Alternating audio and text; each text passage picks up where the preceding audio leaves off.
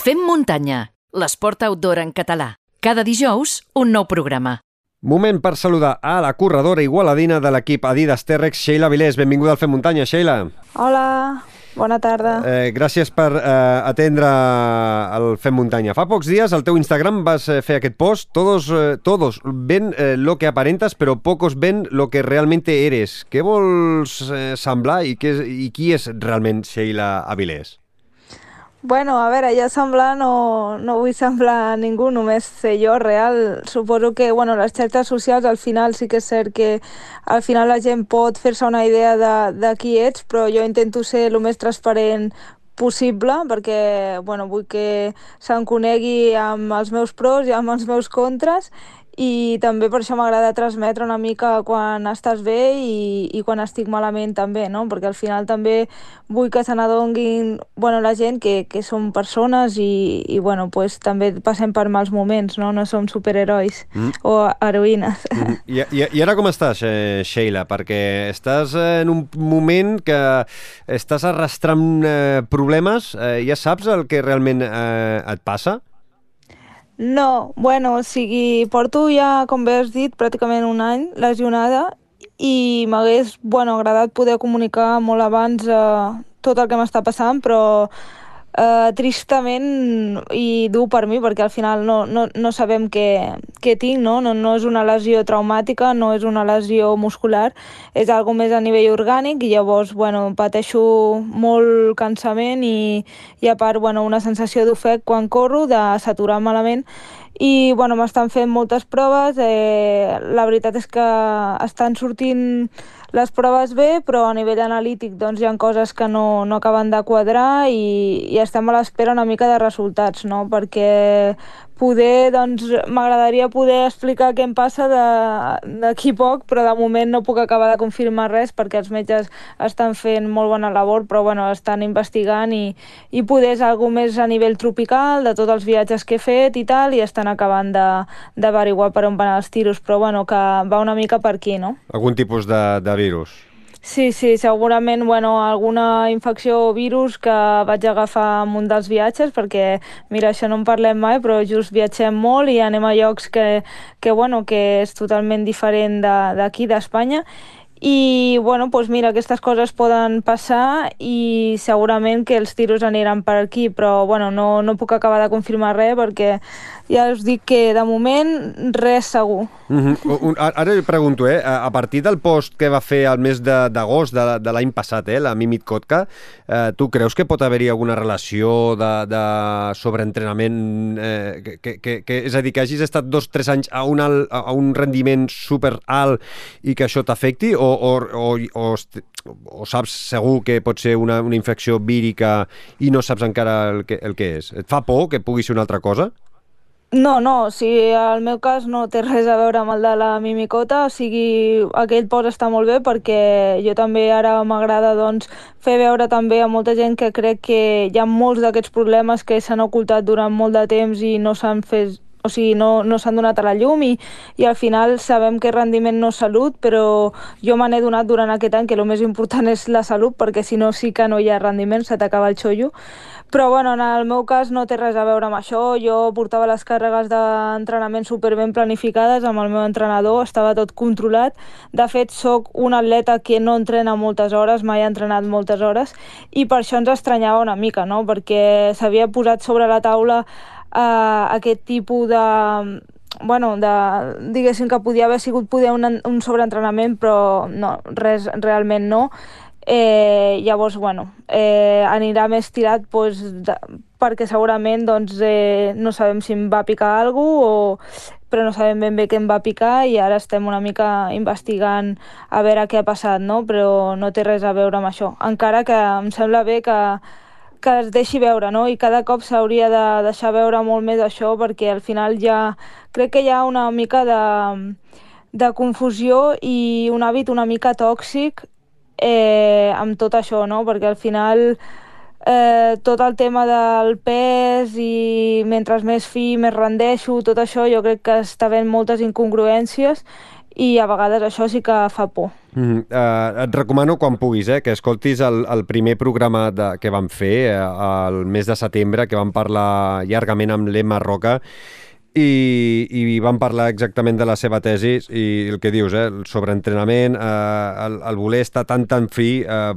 el, les conseqüències que, que això provoca i que properament també en el Fem Muntanya parlarem amb el doctor Brutons, Daniel Brutons, i també parlarem sobre aquests temes perquè són, són complicats i que la gent de vegades, doncs, eh, els professionals esteu molt, molt, molt eh, controlats, alguns doncs, eh, doncs, eh, sobreentrenen, però el problema ve en, en molts casos quan els amateurs, els que no ens hi juguem res, ens sobreentrenem i tenim complicacions eh, greus de, de salut, que ens pensem que l'esport és salut i de vegades eh, ens passem. I tant, i tant. De fet, eh, jo no em canso de veure, no? Gent que no té les càrregues d'entrenament controlades, que es pensen que són atletes d'èlit i fins i tot entrenen molt més que els atletes d'alt rendiment, no? Perquè al final jo eh, no paro de veure gent que no deixa de fer 20, 25 hores, 30 a la setmana, quan a sobre li has de sumar el seu treball, no? Perquè al final nosaltres som atletes, nosaltres tenim temps per descansar, per assimilar, per recuperar, tenim un equip darrere de tot això i tot està molt controlat i sobretot hem adaptat molt al cos, no? I el fet de, de bueno, molta gent de voler imitar no?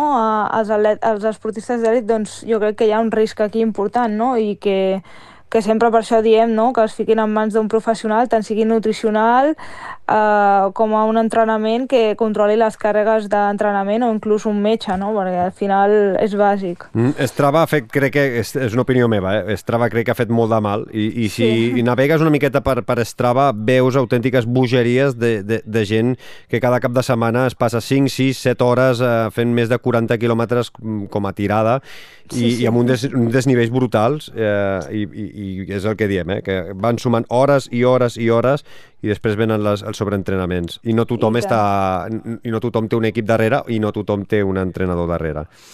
Sí, eh, sí. Sheila, com ha canviat la teva forma d'encarar els problemes després d'aquest any complicat? Eh, eh, veus les coses de forma diferent?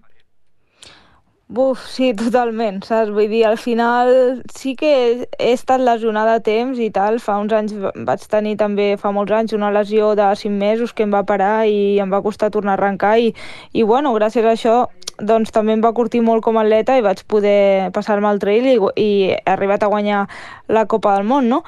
Però, ostres, el fet de portar un any que està lesionada i que encara no veig el final, no, no veig la llum, ho veig lluny perquè vaig millorant però molt, molt poc a poc, doncs clar, òbviament ha canviat la meva percepció eh, moltes coses, no? És el que et comentava abans, o sigui, jo ara veig molt més Uh, valoro molt més el fet de poder estar sana i em quedo en les paraules de que bien que s'està quan s'està bien, no? Perquè al final això a vegades no ho valorem prou, no? El fet de de quan estàs a, doncs, per exemple, a la Ola, no? Jo en el 2019 va ser un any espectacular a nivell de rendiment i ara veig lo difícil que era fer-ho, no? I en aquell moment ho fas i, i no sé, poder no, no ho valores lo suficient perquè et dona la sensació de que no t'ha costat tant perquè estàs en un, en un, bueno, un nivell òptim de forma i vas fent i vas aconseguint el que vols i ara mateix ho veig i, i veig els entrenaments que estava fent i ho veig tot i ho veig molt lluny, no? I, i llavors me n'adono de lo que realment, lo difícil que és el que jo he arribat a fer, no? Llavors, òbviament sí, m'ha canviat moltíssim la bueno, la mentalitat, però jo crec que m'ha fet molt més forta i m'ha fet valorar doncs, moltes coses que abans poder doncs, no valorava tant i jo crec que bueno, pues, si d'aquí aconsegueixo recuperar-me crec que sortirà una nova versió que sobretot a nivell mental serà molt més forta. Mm -hmm. Gran frase de Pau Donés, que bien se está cuando se está bien. Uh, no poder entrenar com t'agradaria i no poder competir al, al 100% t'afecta molt anímicament ara, al mes d'abril del 2021? Bueno, mira, per, per sort, la veritat és que m'ha pillat just dos anys, 2020-2021, que amb el tema de l'epidèmia doncs tampoc m'he quedat tan enrere perquè hi han hagut molt poques competicions i també, com bé hem dit abans, doncs jo, la meva mentalitat ha canviat totalment. Jo he fet un procés d'acceptació que és el fet de que estic lesionada, vale? que hi ha una lesió al meu cos i que no estic sana i llavors m'he de recuperar. Llavors ja el meu cap no està pensant en que m'estic perdent competicions, que no puc competir, sinó m'estic preocupant per la meva salut, no? Llavors el meu objectiu ara mateix és el de ficar-me bé per tornar doncs, a, pues, estar bé i després a poc a poc doncs, ja aconseguirem tornar a rendir, no? Perquè això és el que menys realment el que menys m'importa i el que menys em preocupa, no? perquè jo sé que si estic bé, a la que em fiqui entrenant un altre cop agafo el punt de forma. No? El que passa és que ara ho veig inviable perquè tinc males sensacions entrenant i, i cansament. No? Llavors, a nivell mental doncs, no, no m'afecta tant, jo al final em preocupo amb mi, amb el que puc controlar i l'únic que em preocupa és això, no? la meva salut. Disfrutes més la muntanya d'una altra forma? Sí, i tant. O sigui, al final ara porto pràcticament un any, diria, que no estic mm, fent, o sigui, no estic entrenant en planificació, sinó estic sortint a entrenar eh, fent el que m'agrada. No, no, per això et deia que no hi ha cap objectiu ni cap curs a la vista, sinó surto i ho faig pues, per salut mental i si estic bé fas, fas me, faig més i si estic pitjor doncs menys i estic disfrutant una mica més i sense mirar tant els cronos, sense mirar tant el ritme, sinó el que em demana el cos. Uh -huh. ah, hi ha molta diferència, suposo que sí, eh? però hi ha molta diferència d'hores, de, de dedicació de, de la Sheila que entrenava l'any 2019 i, eh, la que, i ara mateix, en aquest any 2021? Sí, sí, a veure, totalment. Al final les càrregues d'entrenament que jo estava assimilant en aquell moment, doncs les assimila una persona que està al 100%. Jo ara no, no hi estic i llavors, o sigui, no puc fer-ho perquè em fatigo molt més abans. I, bueno, a poder estava fent en els moments que estava fent més càrregues, doncs podria, podríem parlar de de 15 a 16 hores, 18 com a molt, no, no molt més, ja et dic combinant-ho tot, perquè no tot era running, o sigui, feia bici, running i força, sumant-ho tot era més o menys això, i ara mateix poder t'estic dient que estic fent 8 hores, 8, mm, 9 i setmanes que menys, mm. saps? Perquè vaig una mica... O sigui que sí, hem baixat bastant, però bueno, la veritat és que em mantinc activa, no deixo de fer coses, segueixo fent molta força, al gimnàs he incorporat més força, exercicis complementaris, molta més mobilitat, eh, molta més coordinació. Jo crec que he guanyat en coses que no feia abans i ara estic doncs, eh, adquirint nous hàbits i bueno, poder el que estic fent menys doncs, poder són les tirades llargues, no? que abans feia corrents i, i més intensitat i això, però tot l'altre doncs, ho vaig fent igual. Mm -hmm. eh, per Instagram se't veu fent molts exercicis de, de, de força que suposo que també feies fa dos, tres anys, però és el que dius, no? Uh, el fet de no poder entrenar les hores que voldries fer, fer les tirades que vols fer, doncs uh, guanyaràs altres aptituds que en el moment que tu puguis estar i puguis córrer uh, uh, i puguis uh, doncs, agafar aquest puntet, a part d'estar bé uh, físicament, doncs tindràs altres aptituds i, i una mentalitat molt més, uh, uh, molt més forta, no? que, que segurament que veurem, doncs, si no és aquest 2021, doncs serà el 2022, on la Sheila Vilés és eh, molt més forta de, de la, que, que la que hem vist ja, que ja, que ja Déu-n'hi-do, eh?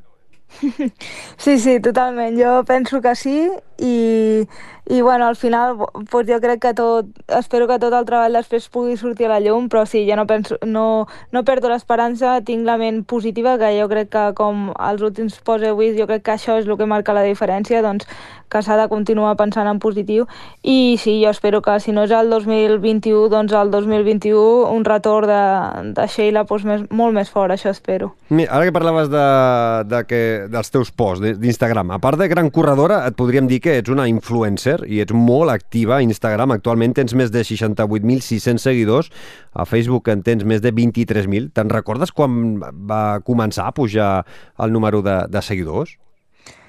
Bueno, doncs eh, jo vaig començar una mica doncs, quan tot el tema aquest d'Instagram començava i me'l vaig fer com, bueno, com qualsevol persona no, adolescent i bueno, vaig començar doncs, a, a publicar coses i, i sí que és cert que al principi doncs, no, no tenia gaire seguidors però bueno, m'anaven pujant en base de que vaig començar a fer algunes curses bé aquí a nivell nacional no?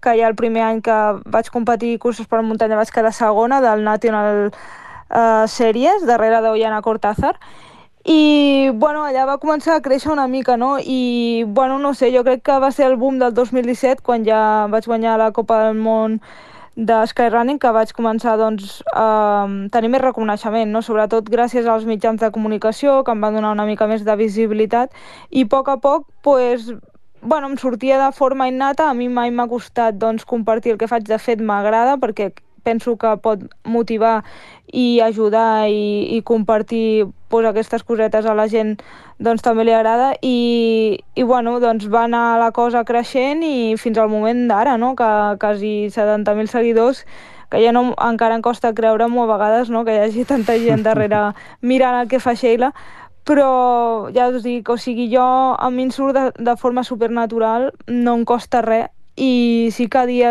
d'avui puc dir que gràcies a això doncs, tinc altres col·laboracions que no són només esportives, sinó treballo amb més marques que fora de l'àmbit eh, d'esport i, i doncs, bueno, jo que penso que és un, bueno, un, un avantatge més i al final doncs una porta més oberta i, i bueno, ja m'agrada, saps? No és una que em surti forçat. Expliques eh, coses interessants, eh, escrius eh, doncs uns bon posts, no només penges una foto i ja està, sinó que expliques sempre cosetes, eh, la, la, eh, expliques una miqueta doncs, com estàs mentalment, sobretot, és, és molt interessant. La, les xarxes, la, tant Instagram com Twitter com Facebook, la portes tu sola o algú t'ajuda?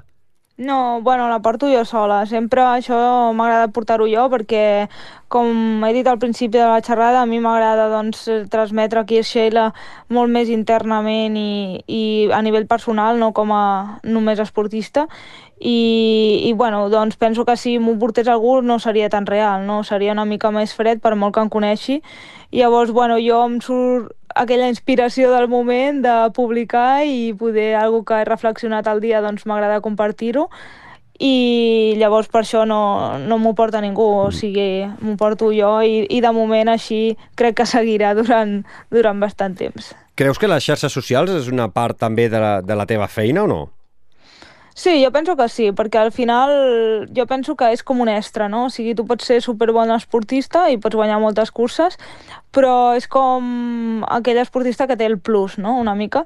I penso que, clar, el nivell de marca doncs interessa molt perquè, òbviament, la, la marca vol una moneda de retorn i tu si guanyes una cursa, doncs, a veure, es, visi o sigui, es visualitza la teva marca, però òbviament a les xarxes socials, mentre més seguidors tinguis, doncs més visualitzacions tindràs i jo crec que és on realment la gent s'hi fixa molt més, no? Penso que si tu penges un post té moltes més visualitzacions que no un podi d'una cursa que hi haurà 200 persones, o 1.000, o les que siguin, no? Llavors, eh, jo penso que sí, que, que s'ha de potenciar i de que és un punt a favor, no?, mm -hmm. tenir, tenir això. M'agrada perquè parles clar. Uh, Sheila, què creus que és més important uh, per tenir tants seguidors? Eh? Guanyar dos campionats del món, aportar continguts a les teves xarxes o tenir una marca al darrere com, com Adidas?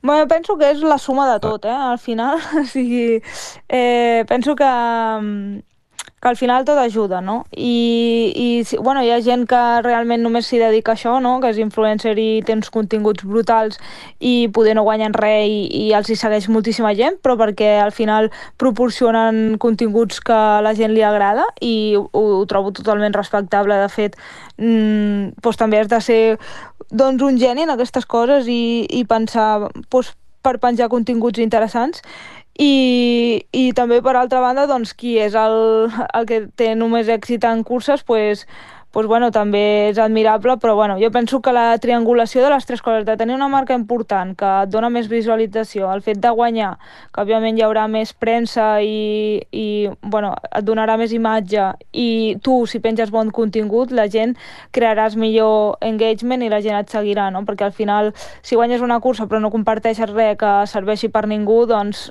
la gent, bueno, poder la gent que sigui molt fan teva et seguirà, no? Però al final jo crec que el que més interessa és que hi hagi un contingut darrere bo, no? Perquè si no, bueno, es deixa de seguir, poder, si no, no penges o no ets constant, la gent poder bueno, ja no et segueix, no mm. li interessa tant el que fas, no? Potser no és tant eh, no publicar, sinó el que publiquis no sigui tan interessant o no, o no aporti. Bueno, Uh, rebobinem una miqueta, Sheila, a veure què et sembla. Uh, quan, quan vas començar a córrer per la muntanya? I practicaves algun esport abans de, de fer trail running?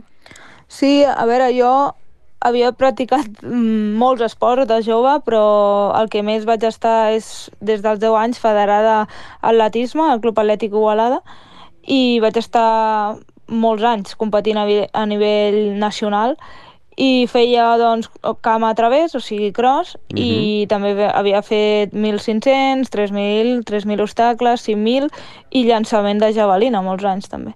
Llavors, Eh, després del 2015-16 ja va ser quan em vaig cansar una mica de l'atletisme i ja vaig passar a les curses per muntanya, no? que vaig descobrir gràcies a uns amics i llavors ja vaig competir per aquí i em vaig enganxar fins ara. Bueno, eh, progressió meteòrica, perquè com et dones compte que pots anar fent salts de qualitat tan ràpid i fins guanyar només dos anys després, el 2017, la, la, primera, la teva primera Copa del Món?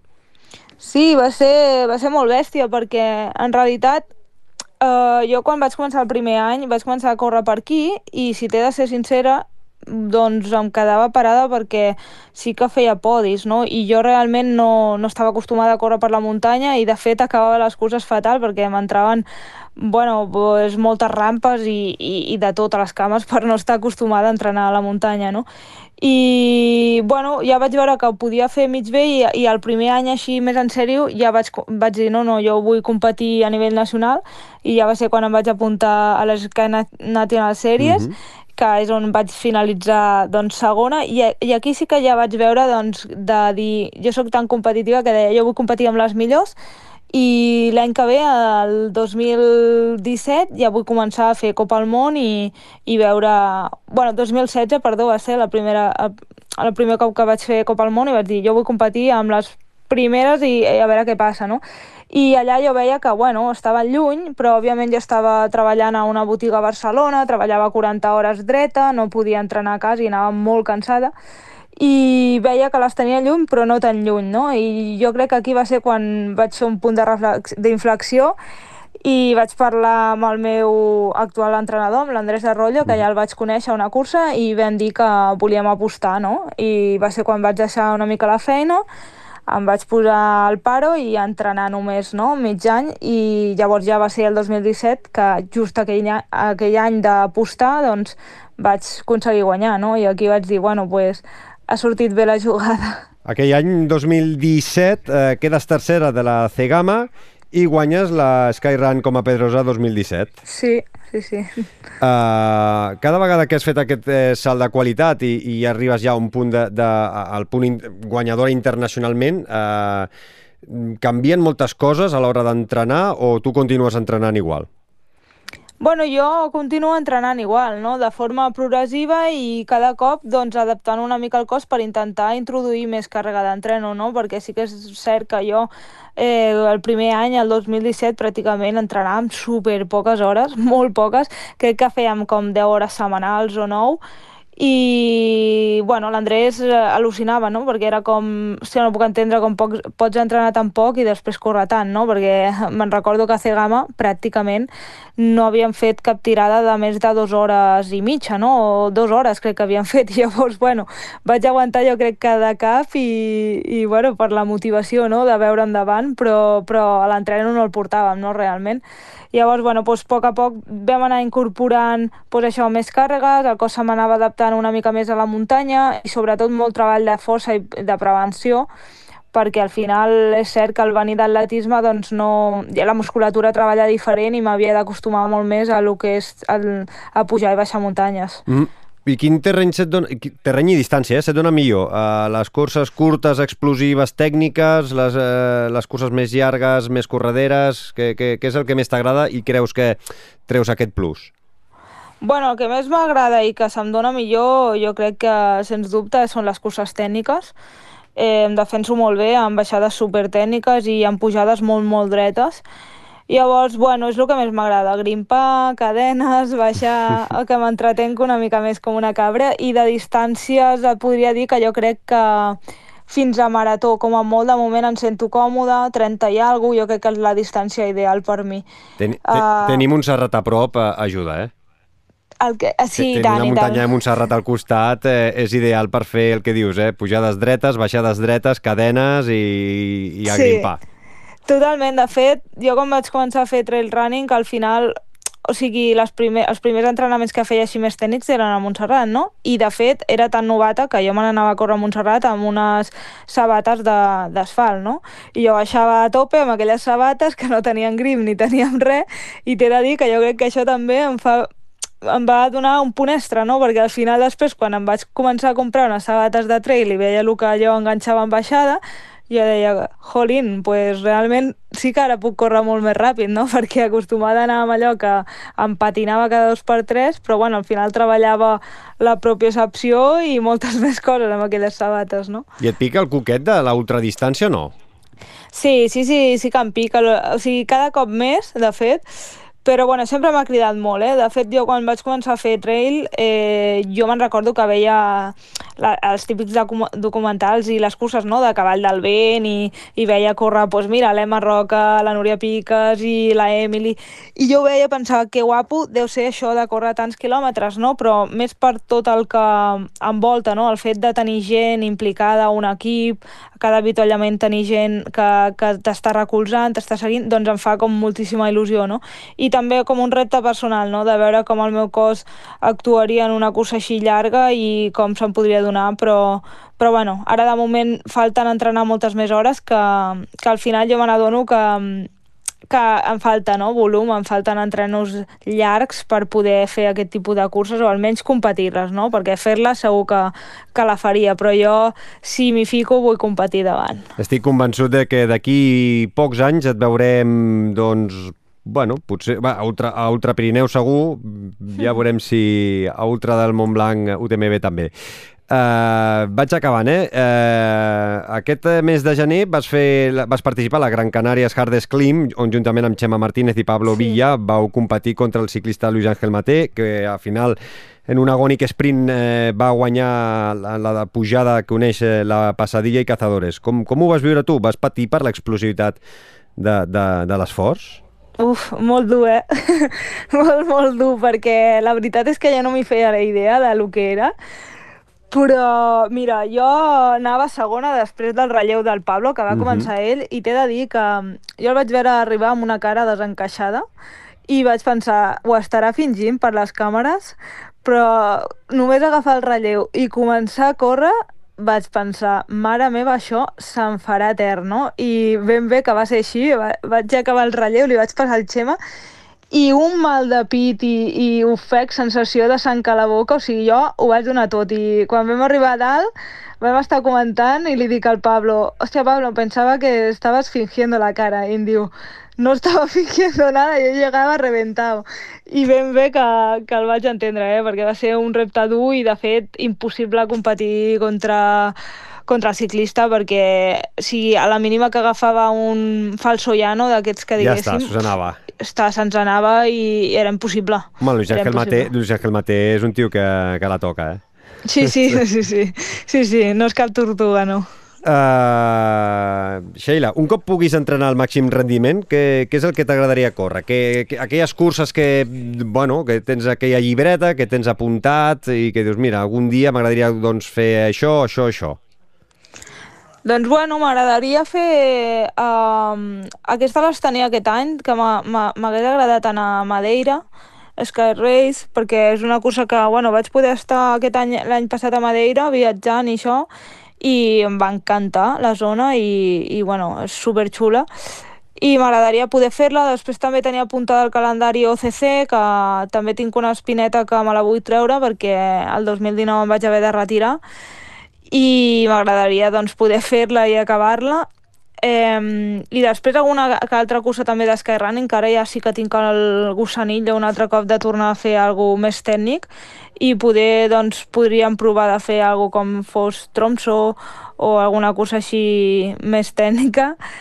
I Andorra sempre m'agrada, com a Pedrosa, um, i Val de Núria tenia en ment també fer, I bueno, la veritat és que tinc diverses curses en, així en ment que m'agradarien fer, però bueno, de, de moment ara ens tocarà, ens tocarà recuperar o si més no competir una mica per aquí per anar entrenant perquè bueno, no sé si em mantindré 100% sense córrer, o sigui a nivell internacional segur, però poder aquí m'està pillant les ganes de ficar-me un dorsal, per exemple, per fer algunes verticals, perquè Catalunya, encara que no estigui en forma, però simplement doncs, per prendre-m'ho com un entreno més i, i anar fent cosetes. Uh -huh. eh, notes que estàs més lluny del focus mediàtic ara que els resultats no són els mateixos que, per exemple, l'any 2019? Doncs la veritat que no, eh? Em sorprèn bastant perquè no paro de tenir bueno, molt, molts organitzadors i, i bueno, molta premsa no? que, que està atent a mi i, i penso que no. I al final penso que com aquest any estan sent una mica doncs, estranys, doncs no m'ha deixat tan enrere. No? Si hagués sigut poder un any com el 2019 que estava ple de cursos calendaris, doncs poder m'hagués quedat molt més enrere. I bueno, jo penso que la, els organitzadors i la premsa ens segueix tenint en compte i segueixo doncs tenint, ja et dic, gent que, sobretot, bueno, moltes persones, que això agraeixo molt, que em segueixen dia a dia, que em pregunten com estic, com em va, i, i això, no?, que no, no perdo seguidors, no?, per no seguir guanyant, al contrari, la veritat és que rebo molt caliu i molt, molt recolzament de part de, de les persones, la veritat. I acabo amb les dues últimes, Sheila, que sé que, que ens has de deixar. Uh, I a, a nivell de marques, per exemple, Adidas, eh, tens encara el suport total i fins a quin any, en principi, has d'estar amb Adidas? Bueno, jo amb Adidas, Adidas estic super, super contenta perquè, bueno, tinc un, un gran manager, ai, bueno, manager, team manager, que al final, doncs, va entendre totalment la meva situació i va ser el primer que em va dir que em relaxés i que em cuidés i que recuperés la salut i que no pensés en la performance ni en el fitness ni en competicions i la veritat és que ho he agraït moltíssim perquè això em va donar una tranquil·litat de poder decidir el fet de no competir i de tranquil·litzar-me i poder curar-me i amb ells bueno, doncs tinc contracte fins bastant. La veritat que em van renovar i ara fins al 2024 tinc contracte amb Adidas, llavors estic molt contenta de, de poder tenir doncs, aquesta seguretat i d'estar en un equip com Adidas, no? perquè ara per ara per mi doncs, ja he vist que realment estan en els bons moments però també en els dolents i, i veig que no paren de preocupar-se i, i que no els importa, saps? Que no estigui tan activa, sinó els importa més la salut de, dels seus esportistes. Mm, és una gran eh, notícia. I, i aquesta et faig l'última, Sheila. Ets una corredora jove, on encara et queden molts anys de, de competició al més alt nivell. Eh, pel cap, eh, com a dona que ets, eh, se't passa, doncs, no sé, eh, el tema de la maternitat, si, si t'agradaria doncs, ser mare d'aquí uns anys, no? I com creus que eh, a l'hora de ser doncs, esportista de, del, eh, del rendiment, doncs això et pot afectar. Bueno, sí, a veure, uh, ara mateix ho veig molt lluny, això, el tema de ser mare, però òbviament en un futur sí que, sí que m'agradaria ser mare. I bueno, jo penso que això no t'afecta, no, no paro de veure esportistes que al contrari, no? que, que tenen un, un rendiment molt, molt alt després de, de ser mares i bueno, això està comprovat pels canvis eh, en tots els aspectes, i sobretot a nivell hormonal i físic i, i bueno, eh, jo penso que ara, ara per ara les marques ho recolzen moltíssim i, i inclús està això no, comprovat que, que hi ha millora no? I, llavors bueno, penso que serà un break en un any però després doncs, pots tornar a, a donar guerra i, i no paro de veure exemples com hem tingut la Ragna de Bats i, que ha estat i està Imagina't. durant molts anys davant i Marta Molís també que també fa poc va ser mare Anna Comet i ara no sé, però és que Emili i molta I, més gent. I l'Emili quan torni ja veuràs. Sí, sí, sí, sí. Això jo, jo, jo ho sé, jo ho sé, perquè al final jo ho he vist, no?, de, de molt a prop. Moltes esportistes que, que poder doncs, han sigut mare, han fet un abans i un després i podria dir que han tornat molt millor que com estaven. Estic totalment d'acord, estic totalment d'acord, eh, Sheila, amb el, que, amb el que dius. Doncs eh, moltíssimes gràcies, Sheila, per, per xerrar aquesta estoneta al Fem Muntanya. Espero que et recuperis ben aviat, amb la calma, però ben aviat, i puguis recuperar aquestes sensacions i tornis a, a donar guerra com, com has donat l'any 2017, 2018 i, i sobretot do, 2019. Cuida't molt i fins que vulguis, eh, quan vingui de gust, eh, podem xerrar més estonetes aquí al, al Fem Muntanya. Cuida't, una abraçada, Sheila. Perfecte, una abraçada, gràcies a tu, un plaer. Visita la nostra web femmuntanya.cat